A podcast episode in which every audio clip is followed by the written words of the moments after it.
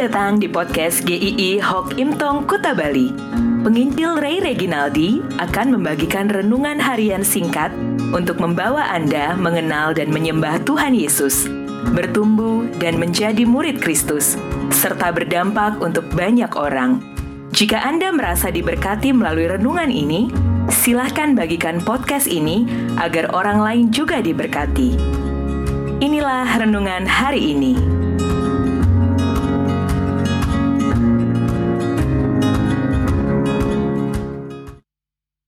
Firman Tuhan murni.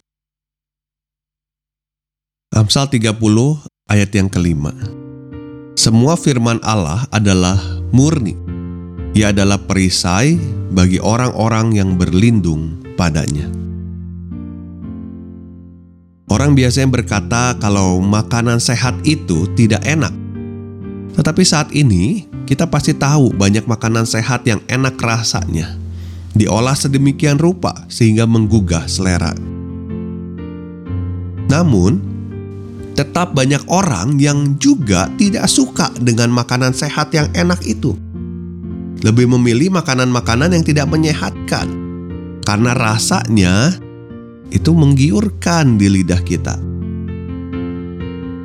Memulai makan makanan sehat biasanya ketika sudah ada sakit ini, itu, ada larangan dokter, sayang sekali.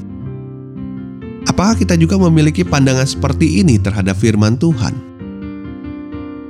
Kita mungkin tahu bahwa firman Tuhan itu baik, bagus, tetapi kita tidak terlalu mempedulikannya. Kita tidak pernah memberikan waktu untuk merenungkannya. Jika kita sungguh mengerti bahwa firman Tuhan itu penting di dalam hidup kita, pasti kita tidak akan menyia-nyiakannya. Amsal berkata, semua firman Allah adalah murni.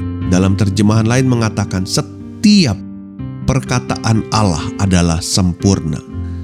Firman Tuhan itu tidak ada kesalahan karena Allah sendiri yang mengatakannya.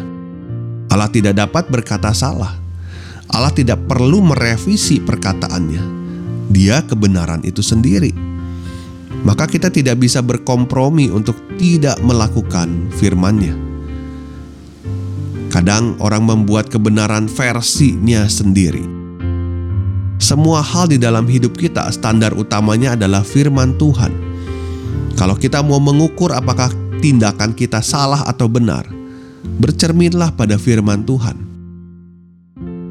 Firman Allah dikatakan juga perisai bagi orang-orang yang berlindung padanya. Perkataan firman Tuhan itu bisa diandalkan. Perkataan Tuhan itu jaminan kita. Ketika Tuhan mengatakan di dalam firman-Nya, Dia pasti menggenapinya. Saat Dia katakan, "Aku akan menyertai," Dia pasti menyertai, bukan meninggalkan. Saat Dia mengatakan, "Aku mengasihimu selama-lamanya," Dia tidak akan mengkhianatinya.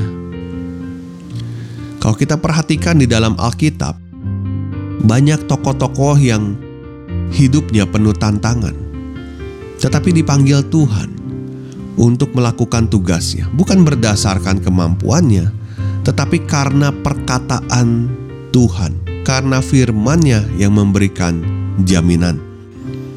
Di dalam firman-Nya kita bisa memandang siapa pribadi Allah yang kita percaya, bagaimana karyanya untuk setiap orang percaya hidup tanpa firman, maka hidup kita akan tanpa arah. Kita berlindung pada hal-hal yang rapuh. Tuhan Yesus adalah Sang Firman yang menjadi manusia. Dia Allah yang datang ke dalam dunia. Di dalam karya keselamatannya, kita bisa berlindung dengan tenang padanya. Karya keselamatannya begitu kokoh, tidak bisa digagalkan oleh siapa pun tidak ada yang bisa merebut kita dari tangannya. Dia akan menjamin kita sampai garis akhir hidup kita. Lalu, bagaimana dengan hidup kita sekarang? Apakah kita hidup di dalam firman Tuhan itu? Apakah kita betul merasa butuh firman-Nya? Apakah kita masih membaca firman-Nya? Apakah firman Tuhan menjadi standar hidup kita di dalam melakukan berbagai pekerjaan? Maukah Anda berkata tidak kepada hal yang sebagaimana firman Tuhan katakan itu dosa? Berapa lama Anda sediakan waktu untuk merenungkan firman Tuhan? Kepada siapakah Anda selama ini bersandar?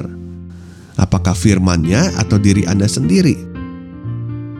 Apa atau siapakah yang menjadi perisai ketika Anda gentar dengan hidup ini?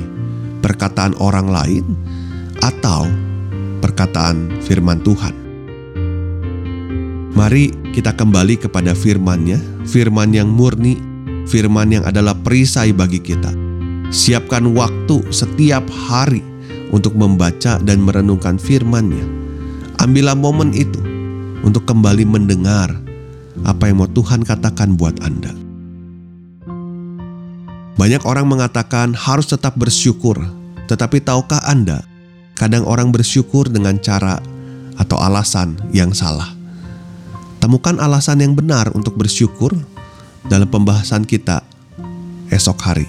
Tuhan memberkati.